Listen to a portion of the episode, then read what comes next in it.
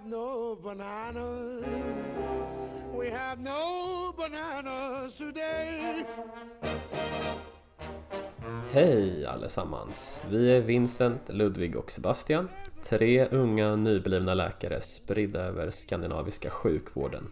Och det här är en podd om vår vardag. För läkare, lekmän och alla däremellan.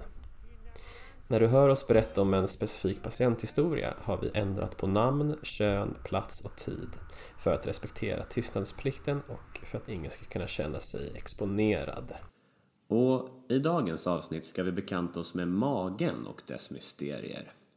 Men innan vi dyker ner i anatomi och historier från sjuka och friska tarmar vrider vi tillbaka klockan och börjar ingen annanstans än självaste Korpamoen. Ja, ni vet torpet där Vilhelm Mobergs Utvandrarna utspelar sig.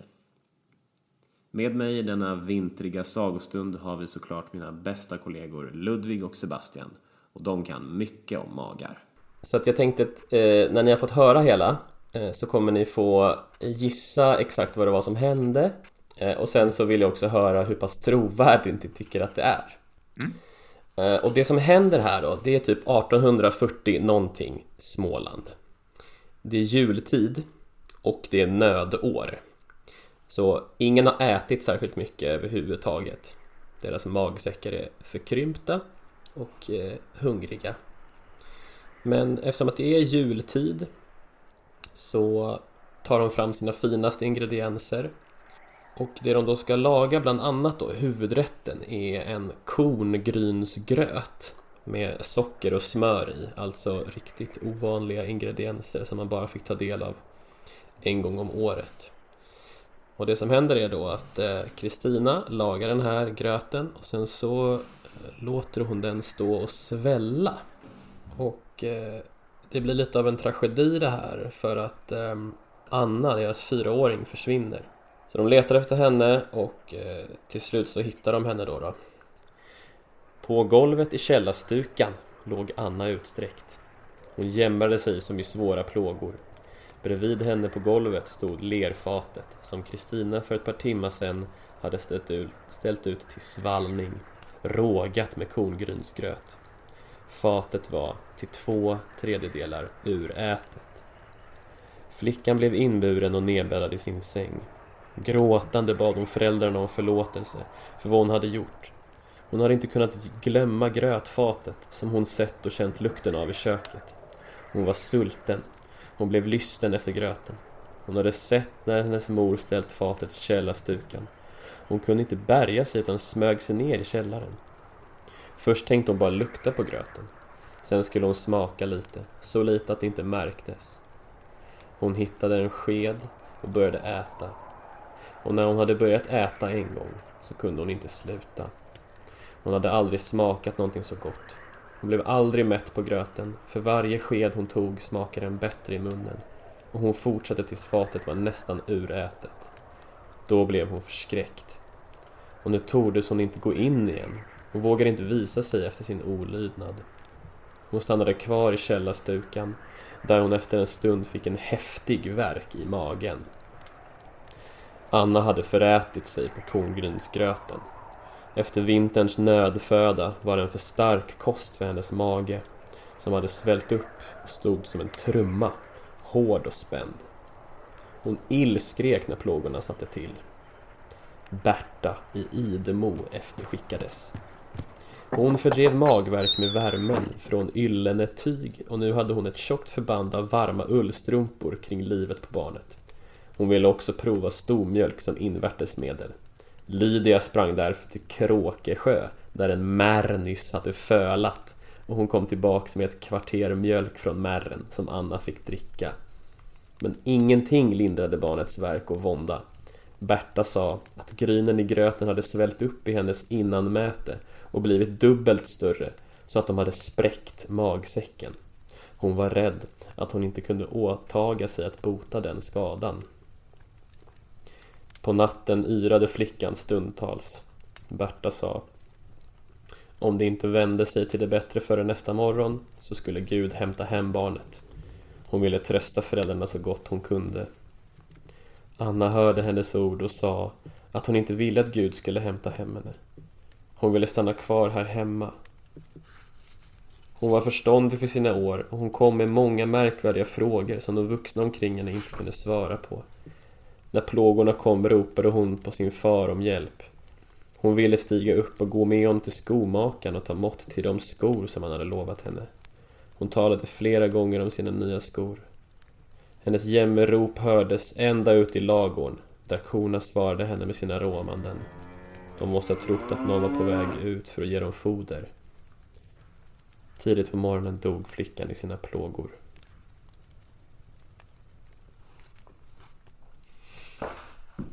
Vilken Mm. hemsk historia. Ja, verkligen. Eh, det är ju en bra sammanfattning av typ hela den här boken. Eller av deras liv. Den är verkligen eh, kantad av misär och eh, sjukdom och det var inte kul att leva då. Usch. Men eh, vad, eh, vad tror ni hände? Ja, Tror ni att eh, magsäcken sprack på henne? Ja, eller så fick Alltså- hon ju tarmvred skulle jag kunna tänka mig att hon har fått. Att Ja, hon, det är nog om hon bra var förklaring. så, så svulten och så stoppar du i något eh, som jäser och som är så torrt som kan suga åt sig massa vätska. Så är hon lite undernärd redan och så suger, så suger den upp all vätska så att tarmen blir alldeles torr och så fastnar det och så blir det stopp. Och då är det är inte så kul att få tarmvred. Då, då dör man. Om man inte kan åtgärda det. Det tycker jag var en bra förklaring. Så det var egentligen ingen idé att ha en massa ullstrumpor runt magen. Alltså enligt min medicinska kunskap så må vara stundtals bristfällig så är det ingen behandling jag känner till för tarmvred att, att linda ullstrumpor runt magen. Eller någon annan sjukdom för den delen. Nej, nej det tror jag inte. Det är möjligtvis om någon skulle vara lite, lite frusen av sig. Det var ju synd att Berta i Idemo var det bästa de hade.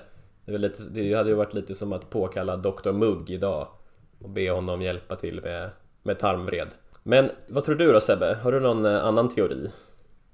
Vi hade en patient med tarmvred förra veckan som också var sådär att han låg först på min avdelning, vi trodde att det var någonting annat. Mm. Eh, och sen så blev han snabbt sämre. Så att liksom, när jag träffade honom så mådde han i princip bra. Vi trodde bara att han lite gallstensproblem, en medelålders kille liksom.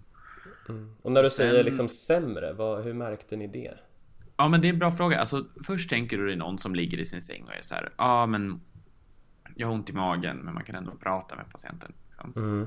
Och sen nästa gång så var det så här, kallsvettig, kan inte riktigt prata, du vet så, alltså, för det gör så ont typ. Och, eh, och liksom att all fokus är på den här smärtan. Och det alltså att han är uppenbarligen liksom mår dåligt. Mm.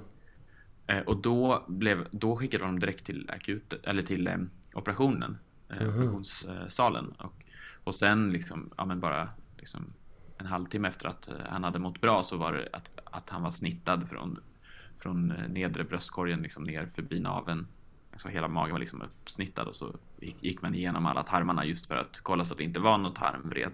Oj. Men han, han, det gick bra för honom. Mm. Han fick ett stort ärr förstås, men inte mer än så. Ja, det får man ju efter en öppen bukkirurgi. Ja, okej. Ja, alltså jag tycker att det är så himla intressant att läsa om så här sjukdomar ur en historisk synpunkt. Eh, det finns ju ett eh, syndrom som heter refeeding syndrom. Eh, och det var egentligen det första jag tänkte på här, men eh, då var det ju bara det att jag hade glömt bort eh, vad ett refeeding syndrom exakt är, för det går inte alls så här fort. Utan det är någonting som efter en period av svält eh, och i dagens samhälle är det ju mest förknippat med anorexi. Eh, Så om du börjar ge mat då kan man väl enkelt säga att liksom eh, salter och mineraler och protein och socker och så börjar förflyttas på ett ja, lite för snabbt sätt mellan de olika eh, cellkomponenterna och kroppsdelarna. Eh, så då kan du få som en rubbning i de här salterna och eh, faktiskt avlida i hjärtrytmrubbningar tror jag det är. Men det tar i alla fall några dagar. Och sen så hittade jag då ett case från modern tid. Då var det En patient som led av bulimi Hade typ svältit sig i någon vecka eller vad det nu var och sen så hade hon hetsätit typ fem kilo mat och då hade hennes magsäck då spruckit Oj! mm. men, men det jag tycker inte riktigt så går ihop med den här storyn Det är typ varför, varför bör hon inte kräkas? Alltså jag tänker på lilla Anna då då Det om någonting talar väl kanske för en, mer för, för den idén jag har att om allt, det suger upp allt vatten och, och det bara det limmas fast i tarmen så blir det ju som en, en fast klump som inte går att, går att rubba på åt något håll. Precis, hon kanske var så undernärd redan från början att hon inte hade så mycket tarmvätska liksom kvar att använda. Allting bara blev som en torr grötklump som du säger. Det är väldigt spännande att tänka sig. Det känns som ett hemskt sätt att dö på. Att man är så hungrig att man äter ihjäl sig. Mm. Och jag tänker det måste ju varit ganska vanligt förekommande. Alltså jag fick någon tanke häromdagen på så här konstiga saker man måste kunna dö av förr i tiden. Alltså på en tid innan sjukvård överhuvudtaget existerade. Jag träffade någon patient med nageltrång. Och då menar, tänkte det- du, det här var dödligt förr. Ja men det kan det ju vara. Du kan få världens infektioner i de där äh, naglarna. Eh, och, så. och det kan ju sprida sig till blodet och du kan bli jätte, jättesjuk. Och tänk att de människor kan ha gått och dött i nageltrång. Det är ju en hemsk tanke att tänka. Det är ju liksom Det är ju en enkel quick fix idag. Men, men utan åtgärd så, så skulle det ju, så i många fall inte, men, men i extrema fall kunna leda till döden. De säger väl det att eh, Alltså under en stor del av människans historia så var väl liksom 50% eh, dog innan de hann fylla fem typ Just på grund av alla infektioner och skit som kunde hända Ja, jag tror överlag att många barn gick bort. Spädbarnsdödligheten var nog väldigt hög. Det är ju ett mirakel hur låg spädbarnsdödlighet vi har. Vi har ju faktiskt världens lägsta spädbarnsdödlighet i Sverige. Barnläkaren Mm. ja, vi får väl se. Ja, men eh, okej, men vi fortsätter, eh, vi fortsätter med mera, mera maggrejer eh, Jag skulle vilja att ni eh, berättar för mig vilka organ som finns i magen Ska vi köra någon så här, en tävling du och jag Sebastian? Att vi, vi hoppar fram och tillbaka. Jag nämner ett, sen nämner du ett. Och så sist när du inte kommer på någonting förlorar. Japp, Mm. jag har listan här alltså Ja, det är jättebra. Ja, Vill, vill du ha äran att börja? Okej, jag kan börja. Och så Mm. må, alla namn måste vara på svenska. han kommer ju säga dem på danska, han kan ju inte svenska längre Ja, danska får gå bra. Okej, ja vi kör! Jag tycker det är jättebra Ja, eh, Börjar du då Sebbe? ja. Under, eh, under bröstkassen. Ja, det heter inte på svenska, det heter på danska. Nej, va? Under bröstkorgen. Vad är det för någonting? Bröstkassen. Bröstkass. Under bröstkorgen på höger sida så sitter levern. Ska jag slänga Okej. till med gallblåsan då? då? Mm, och den sitter precis under levern. Och om vi pratar om buken så kanske man vill lämna magsäcken. Mm. Och vad sitter i anslutning till magsäcken sitter väl i varje fall typ eh, Vad heter det på svenska? Pankreas höll jag på att säga Men det heter så mycket som Men gud vad heter det på svenska? Vi börjar på B i alla fall. Bukspottkörteln heter det på svenska, tack Och i anslutning till magsäcken så sitter tolvfingertarmen. Det gör det, som går vidare in i tunntarmen Som går vidare in i tjocktarmen. Som avslutar i rektum och anus Ja, då har vi avklarat den delen. Vi har lite fler organ. Mm. Det?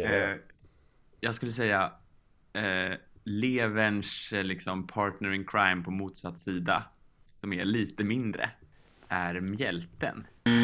Just det Kan ni Det säga där- till mig, kan ni säga till mig snabbt, vad är mjältens främsta uppgift?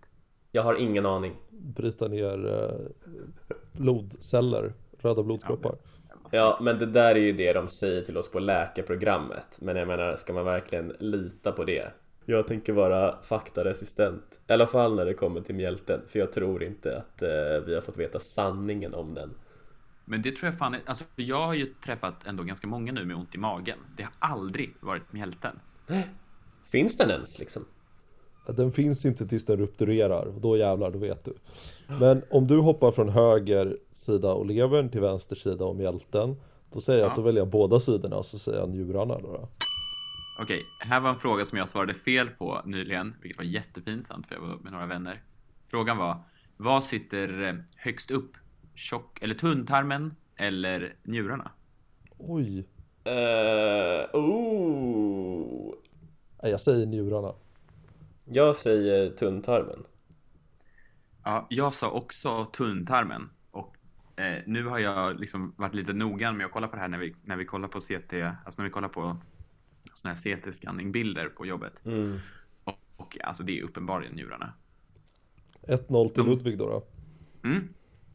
Ja, du har sagt njurarna, då säger jag urinblåsan som de båda löper ner i. Mm. Då får man väl säga urinledarna, fast räknas det som ett eget organ? Nej Ludvig, du får säga något annat Nej, då säger jag binjurarna då. då. mm. Då säger jag livmodern. Eh, räknas kärl som ett helt organsystem och säga typ, eller vad säger jag, eh, kroppspulsådern. Vad har vi? Prostata ja, kanske? Det var bra. Den får du rätt för Då säger jag äggstockar inklusive äggledare. oh. Det börjar bli lite tajt här. Eh, Alltså Ja. om, man, om, man, om man räknar små, alltså väldigt unga killar så skulle man ju kunna säga testiklarna. ja, just det. Ah, titta! Du inte bara vann utan du bara liksom gnuggade dig i såret här, på äh, Ludvig Ja, men då har vi en, eh, en liten karta över var saker och ting finns då. Även om man eh, ibland kan eh, ha fel om man tror att njurarna sitter längre ner än tunntarmen och vice versa. Jag har tänkt på det där med att när man pratar med patienten om magen så har jag tänkt på att det måste vara förvirrande för patienten att jag ibland när jag pratar om magen pratar om magsäcken och ibland när jag pratar om magen pratar om hela buken med alla de organen som jag sagt nu. Jag tänker mig att det måste vara rätt förvirrande som patient överhuvudtaget för att man kanske har ganska dålig koll på vad, vad som finns i magen överhuvudtaget. Ja.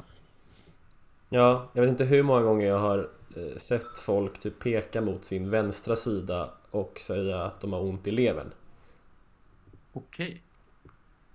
Ja, det är ju lite knepigt. De kan ju ha det här eh, syndromet situs, eller vad heter det, situs inversus. Ja där just alla det, organ sitter på andra sidan. Liksom, allting är spegelvänt i kroppen.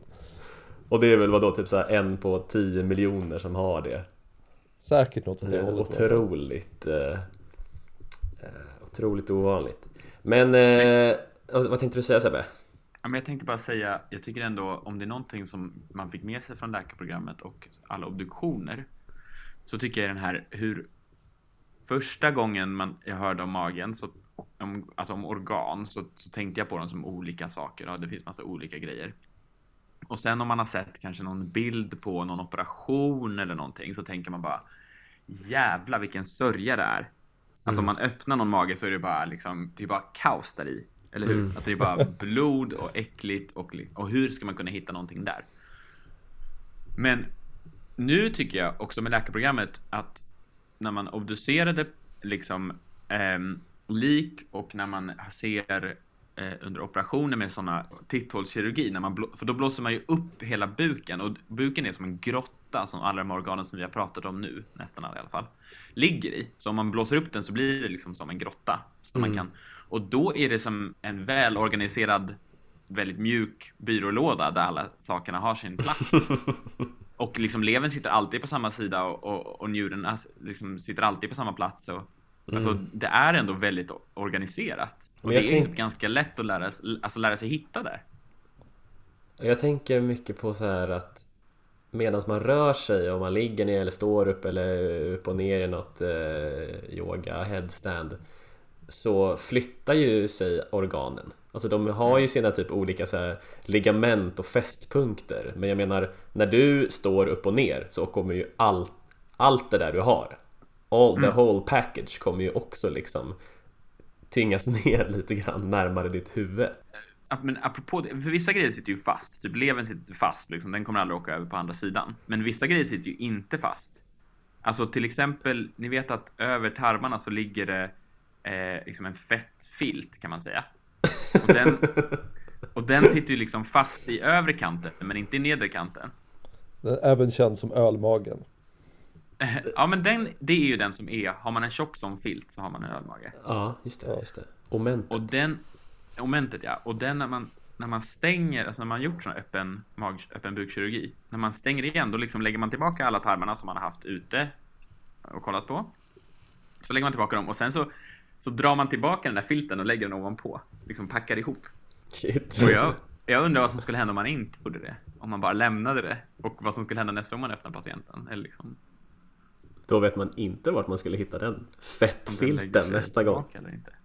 Jag minns eh, alltså ett, jag, jag hatade ju kirurgiterminen mycket på grund av att eh, man behövde stå på operationssalen så otroligt länge och inte göra någonting annat än att bara titta. Men en av de mest givande dagarna det var när jag fick vara med på en öppen bukoperation. Eh och eh, just då så var typ alla andra upptagna. Så att då fick jag hjälpa till mycket. Och det var så jävla sjukt att se liksom från att man då man förbereder med att tvätta magen, alltså ut, utsidan då. då. Och, och förbereda allting och det, bara det tar ju sin lilla tid. Och sen så lägger de då första snittet och andra snittet och så bara wow! Öppnar de upp allt. Mm. Och det första jag lade märke till var hur typ fake det kändes. Mm. Alltså det var som att titta på en så här sofistikerad eh, Hollywood eh, prop liksom. Ja men det här är, det här är typ animerat eller det här, det här är bara liksom Mm. konstgjort. För att tarmarna rör ju sig. Ja, som små maskar. Ja, exakt som som maskar. De liksom ringlar sig lite grann och de klämmer på ett ställe och öppnar upp på ett annat och så gör de det så omväxlande för att liksom föra eh, maten liksom i rätt riktning. Och sen så, eh, för den här patienten hade liksom en sån här V-sond och det är, det är som ett så plaströr man får ner i ma- magsäcken för att man inte ska spy under eh, operationen utan att det bara ska ledas ut därifrån ner i en påse. Och då sa kirurgen till mig, ja, eh, sätt den på plats. Jag bara, va? Ja, om du drar i magsäcken så kommer du känna den här V-sonden där. Jag vill att du sätter den lite högre upp. Så jag går in med handen i buken liksom och tar tag i den här lilla plastslangen fast från magsäckens utsida då, då och bara drar den på plats. Och han bara, tack! Kan vi fortsätta? Och så säger jag, nu när du ändå är där inne så kan du känna hjärtat genom Nej. eh, liksom eh, diafragman. Alltså den här muskeln som då separerar eh, bukhålan från lungorna och hjärtat. Åh, Fy fan vad sjukt. Det måste Att kännas som en liksom- liten kanin som rör sig. Nej, det kändes som en som liksom kalima att man bara drar ut någons hjärta och håller det nästan i handen. Alltså det är det som jag alltid tycker är så absurt med operationer Att du kan stå där med en helt öppen buk där, whatever, och tänka att det här är en levande människa Den här personen lever just nu Och om någonting skulle gå fel eller de skulle vakna, det gör de ju inte Men, men om det skulle hända liksom Så står vi där liksom Knee i dina tarmar Precis, du har liksom en halv kirurg i, i buken och står där, knäna. Men jag tänkte kolla med er. Eh, har ni... Eh, ni måste ju ha haft ont i magen någon gång i livet. Eh, har ni någon eh, särskilt memorable eh, händelse när ni har haft lite magknip eller varit magsjuka? Alltså jag hade en gång då jag var sådär i vuxen ålder som jag var riktigt magsjuk Jag fick campylobacter campylobacter och någon sommar, vi hade väl grillat och inte gjort det ordentligt Och jag tänker att det finns liksom tre stadier av att må dåligt Det finns, jag är lite sjuk, jag är hemma och, och tar det lite lugnt Krya på mig. Det finns Skönt här eh, stadie. jag är så sjuk att jag liksom helst bara vill ligga i sängen och inte göra någonting. och så är den här stadiet. Jag är så sjuk så jag vill inte, jag vill liksom Det är inte värt att leva just nu. Och jag var stadie 3 Alltså jag mådde så jävla dåligt. Det, Jag fick inte i mig någonting. Det var bara konstant rännskita Och uh, det, ja, det, var, det slutade med att jag var tvungen att åka till sjukhus Men jag, blev inte, jag blev, behövde inte stanna kvar Men jag var, alltså jag var så otroligt dålig I tre, fyra dagar Och jag menar, som en annars ung frisk man Så minns man ju inte, man vet ju inte riktigt hur det är att vara riktigt, riktigt sjuk Mm. Men då var jag bara sådär liksom Katastrofdålig kändes det som och, och Mm. du vet man, man orkar knappt vara vaken Mm. Hur kändes det att komma till sjukhus eh, som... För du var läkarstudent när det här hände va? Ja det var jag. Och jag hade inte kommit så långt så att jag visste liksom inte så mycket själv. Jag hade väl kanske kommit halvvägs eller så. Men den första halvan är ju mycket att bara läsa i böcker. Och den andra halvan är ju faktiskt att, att börja vara med och göra saker. Så att jag visste inte så himla mycket. Och jag hade inte så mycket erfarenhet av att själv ta emot patienter Så jag tänkte inte så mycket på det faktiskt då. Utan då var jag mest fokuserad på att jag tänkte att jag har, jag har så lite vatten i min kropp nu att jag, jag kommer tuppa av när som helst. Vad gjorde de då? Jag fick lite dropp bara och sen så mådde jag bättre eh, och, och så fick jag gå hem. Men jag mådde så dåligt så jag klarade knappt av att dricka sån här Resorb eller någonting. Det var liksom, jag var verkligen Det bara kom upp igen eller? Nej, jag, jag mådde så illa så jag klarade knappt dricka det. Alltså det var verkligen ett tvång att försöka ha fokus att lyfta ett glas och föra det till munnen Mm. Jag har hört att de eh, i nödsituationer har eh, kopplat en droppslang till kokosnötter. För att det ska vara, det ska vara ungefär liknande sammansättning av så här salter och socker som i blodet. Det låter så jävla farligt. Ja, jag tänker också det Det, det låter inte så himla sterilt Men liksom, oj, jag råkar komma åt lite där. Det gick direkt in i ditt blod. Ja, det här tåls inte. Jag är ledsen, du kom in här och mådde väldigt dåligt och, och var, var, var lite uttorkad så du behövde lite kokosmjölk men, men nu, har du, nu kommer du få de här hemska infektionerna och sannolikt dö här om de närmsta 5-10 dagarna. Vi tog Santa Marias eh, ekologiska i alla fall.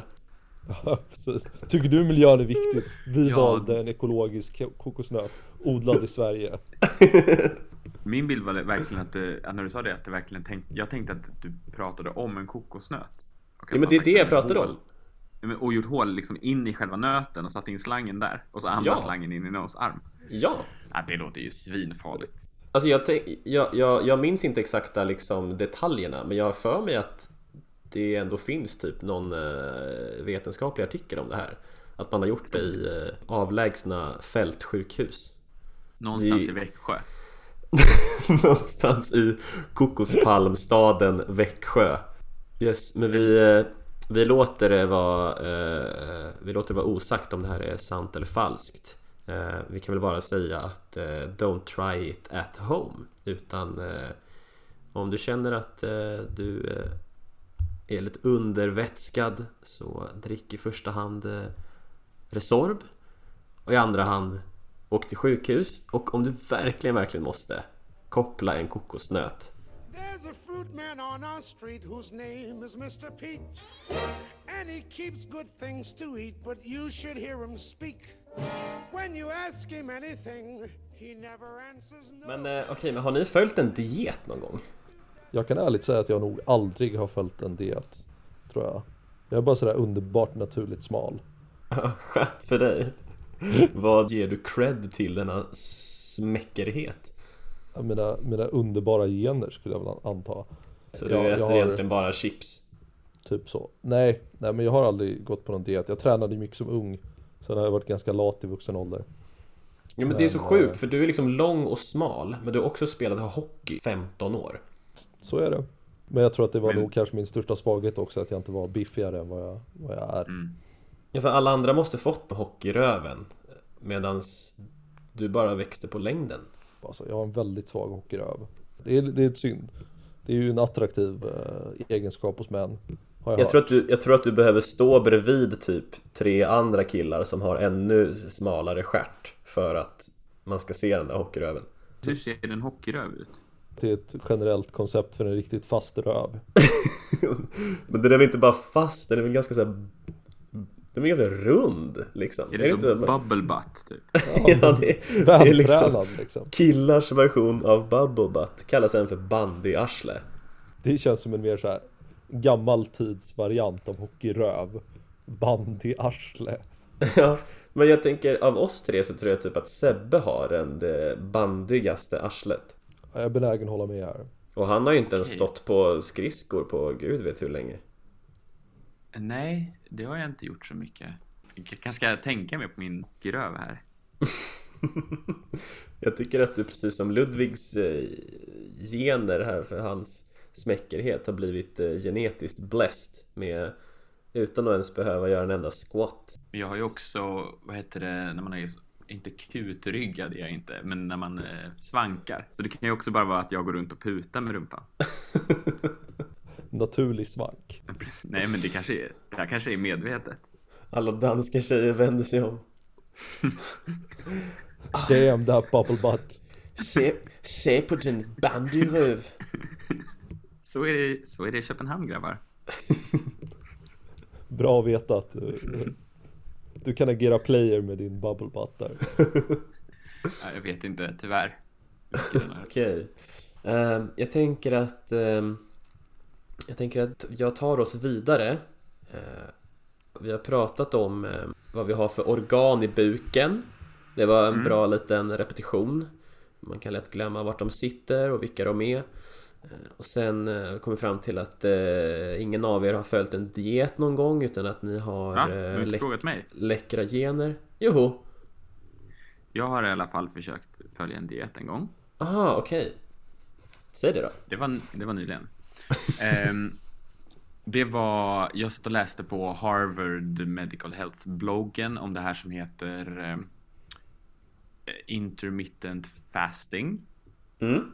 Ja, och då, för att i läkarvärlden så är just nutrition, det är en sån Bermuda-triangel som man inte, om man går ner där så kommer man aldrig därifrån och det finns många fler åsikter än det finns människor i den världen. Och det enda vi får lära oss på läkarprogrammet är i princip att det som kallas eh, medelhavskost kanske funkar lite grann, men annars så vet man ingenting om någonting. Och sen så fanns det en väldigt eh, liksom ihärdig kvinna eh, som, vad hette hon, A- Agarsson, kommer inte ihåg.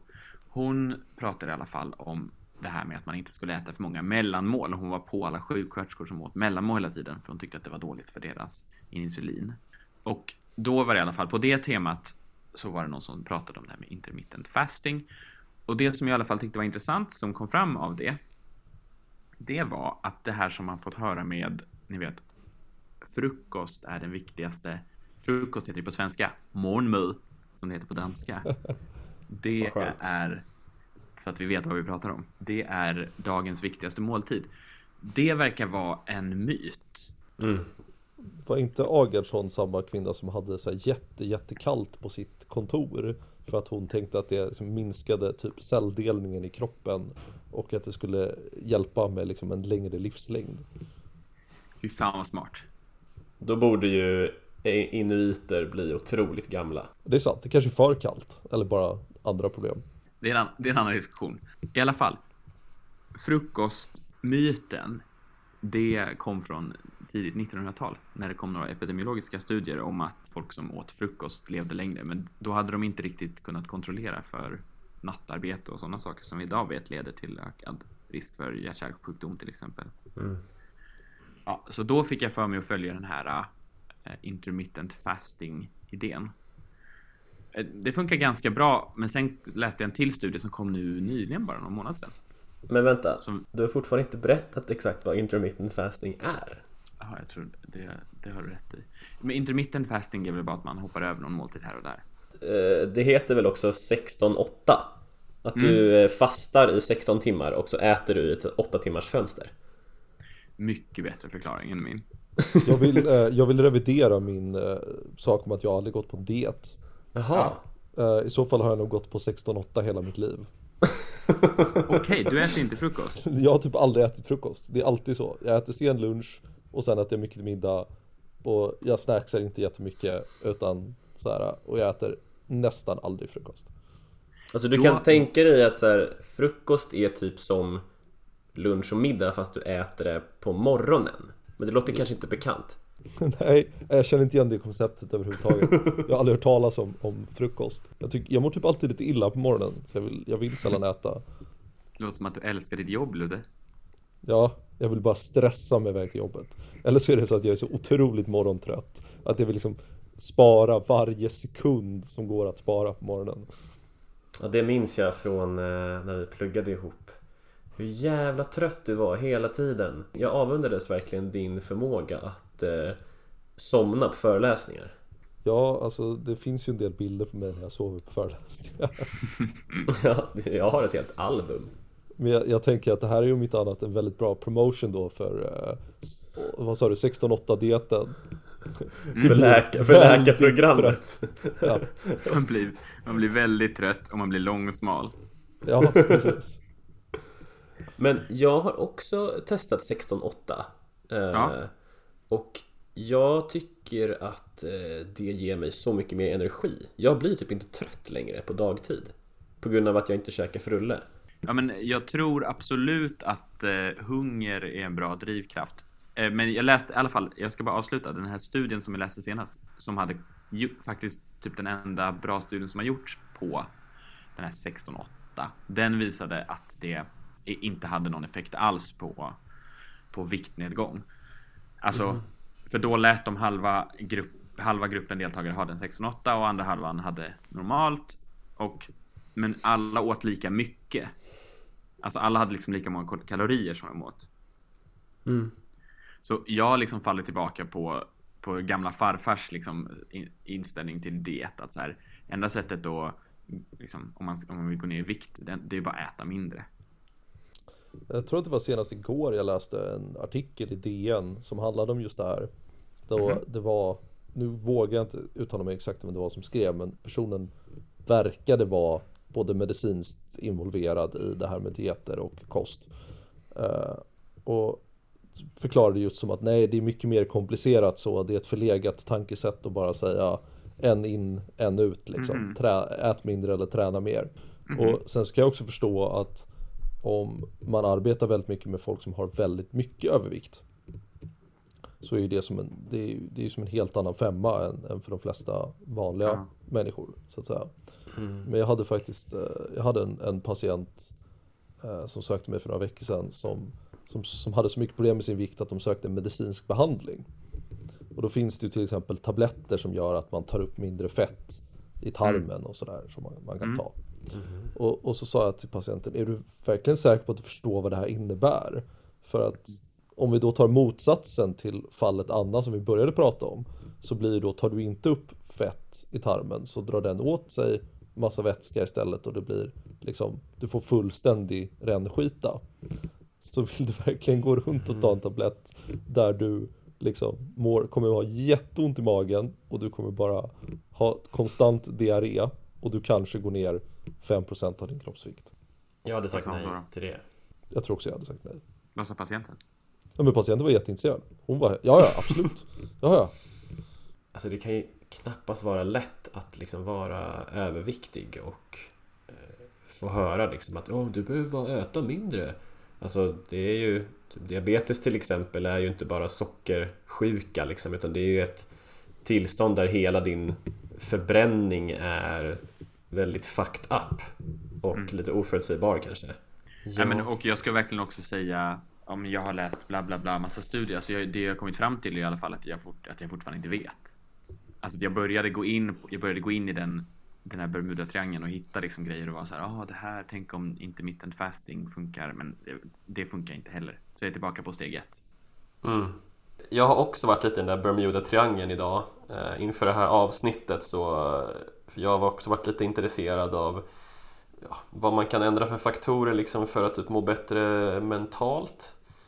Eh, och eh, just nu är min ståndpunkt typ så här har man typ ett tillräckligt så här rikt socialt liv och gör någonting man tycker om så spelar de här liksom andra faktorerna typ inte jättestor roll Upplever jag som, som enstaka individ. Men jag, jag fors, forskade lite grann på det här som kallas för the gut brain. Mm. och då är det så typiskt liksom att man försöker hålla sig vetenskaplig men det högsta man får upp är typ så här ett TED-talk som heter typ The Gut Brain Axis. Grow your gut, expand your mind. Om man tar Alla då... vet ju att det är en ett till ett korrelation mellan hur din mage mår och ditt huvud mår. Precis One salladsblad, one happy. Ja, exakt så. Och One pommes frites, one sad. Eh, Riktigt så simpelt är det ju tyvärr inte. Och eh, om jag får vara riktigt cynisk eh, och även använda mig själv som referens Så är det lite som att sådär mm, Okej men mår du verkligen dåligt för att du inte äter 100% veganskt och kostcirkeln är med Eller mår du dåligt för att du sover 6 timmar om dygnet och är jättestressad? Alltså, jag har haft väldigt många kompisar som har gått så här vegankost under en period. Mm. Och alla säger alltid att åh, men jag mår så mycket bättre nu och jag har mer energi och så. Och så går det kanske ett halvår eller ett år och sen återgår de till en mer karnivar kost. Och så säger de exakt samma sak. Åh, jag mår så mycket bättre nu. Mm. Åh, vad, vad trevligt det är och, och, och så. Så korrelationen till det känns ju ganska svag.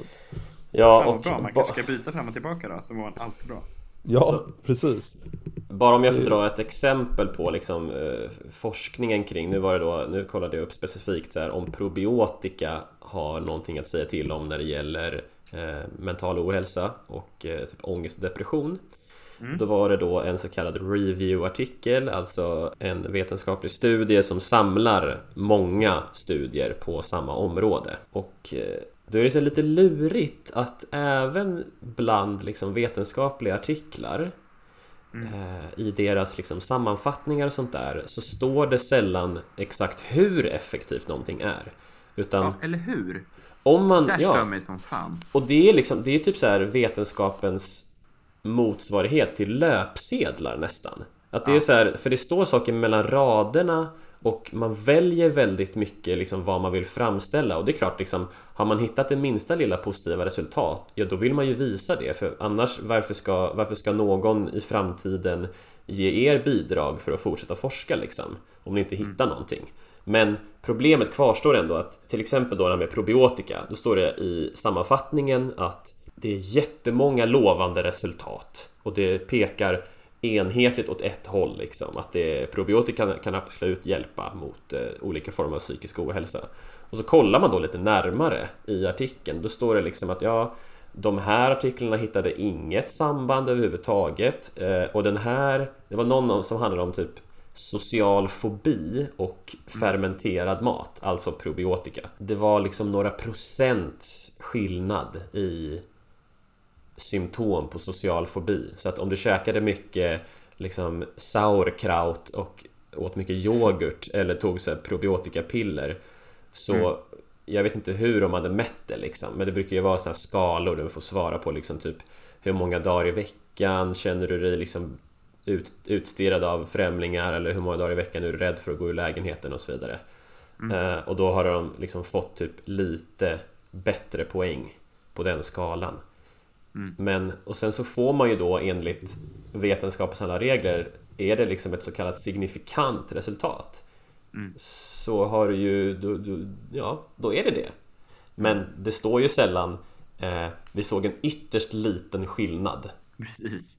Ja, fan vad skönt det skulle vara om de, om de sa det. De bara, vi hittade någonting men det har inte på långa vägar lika mycket effekt som till exempel att sova en extra kvart. Nej, och jag tycker ju någonstans att det här också är typ lite farligt för att folk som är väldigt stressade eh, av en modern livsstil eller väldigt stressade utav att det har hänt väldigt jobbiga grejer. Alltså typ de patienterna jag träffar har ju ofta varit med om alltså ett hel, en hel livstid av tragedier med liksom släkt och vänner som dör eller lämnar dem eller liksom med eh, missbruk och eh, misshandel, fysisk och psykisk liksom Det är så konstigt som att det är en del av budskapet den här sortens liksom, forskning kring diet och motion och allt sånt där skickar ut det typ som att ja, men om du bara motionerar, sover och, och äter ordentligt så kommer du må bra. Du känner alltså inte sugen på att skriva probiotika på recept? Nej, och så sen har man ju visat att probiotika kan vara jättebra mot typ så här IBS Och att det kan hjälpa med inflammatoriska tarmsjukdomar och sånt där. Men just när det kommer till Alltså, det känns som att det enda man har lyckats hitta är att det finns en jättestark koppling mellan tarmarna och hjärnan. Men bara för att det finns en stark koppling betyder inte det liksom att så här, ja Att det du äter blir liksom ditt nya jag. Men det finns ju lite spännande korrelationer ändå om man så här Ja men det finns ju en del eh, viktiga ämnen som, som bildas av tarmarna Eller bakterierna i tarmarna ska jag säga mm. eh, och så, så, så det fyller ju en väldigt central funktion för vår levnadsförmåga Denna enorma tarmflora vi har jag, jag ska inte våga uttala mig allt för, för starkt om exakt vad de har kommit fram till Men man, jag vet att man har tittat en hel del på barn som föds med kejsarsnitt och eh, autoimmuna reaktioner och så när barnet inte blir lika exponerad för yttre patogener. För att en, ett barn som föds vanligt vaginalt exponeras ju för ja, mammas bajs huvudsakligen och mycket annat då förstås direkt vid utloppet. Mm. Eh, och, och jag vet att man har tittat på både så här, smeta in nyfödda barn som har född eh, med kejsarsnitt med bajs på riktigt. Men det tror jag man gör. Eller? Eh, Ja, jag har också gör man gör ibland, det. absolut. Jag, jag, jag tror att man, man gör det på plats. Jag vet inte, jag har inte sett det själv så jag, jag vågar inte Jag har inte uttala mig heller så sett det starkt. själv faktiskt. Simba! Sen har det ju blivit väldigt populärt i medicinen på senare år att transplantera bajs. Alltså att Mm. du för över bajs från en person med en hälsosam tarmflora eh, till en person med där man av, av sjukliga skäl har noterat att det, det är något avvikande i tarmflora. Jo men det är väl, Liksom. det, är, är det inte så att det är någon Det är någon kvinna i Sverige som har så här utomordentligt bra eh, tarmflora och det är henne man har använt för att då liksom filtrera fram the I'm best the of the donor best number one. Sätter man då anus mot varandra och en krystar? och den andra drar in Ett djupt andetag.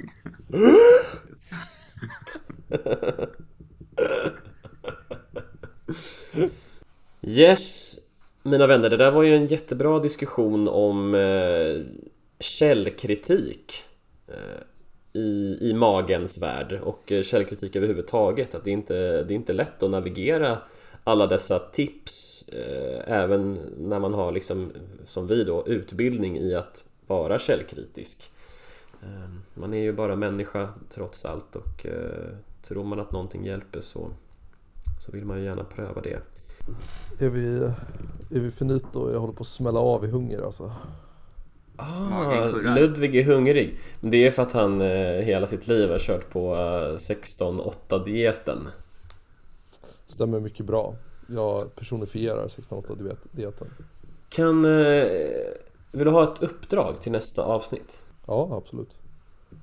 Jag vill att du eh, äter frukost. ja, absolut. Jag kan äta frukost. Och så får du liksom... Eh, du får välja vad du vill. Du får äta jättegoda grejer. Du kan till och med äta korngrynsgröt. Men du måste se till att den har svält färdigt först annars kommer den smäll, svälla i din mage. Och vet du vad som kommer då Ludde? Då kommer Med Berta raggsockorna. Idemo med sina yllestrumpor. Och då vet man. Då är man död.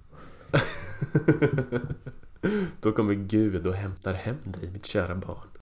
Ja, vi har eh, färdats eh, på de eh, småländska bondgårdarna genom Köpenhamn, Sörlandet och Norrlandet.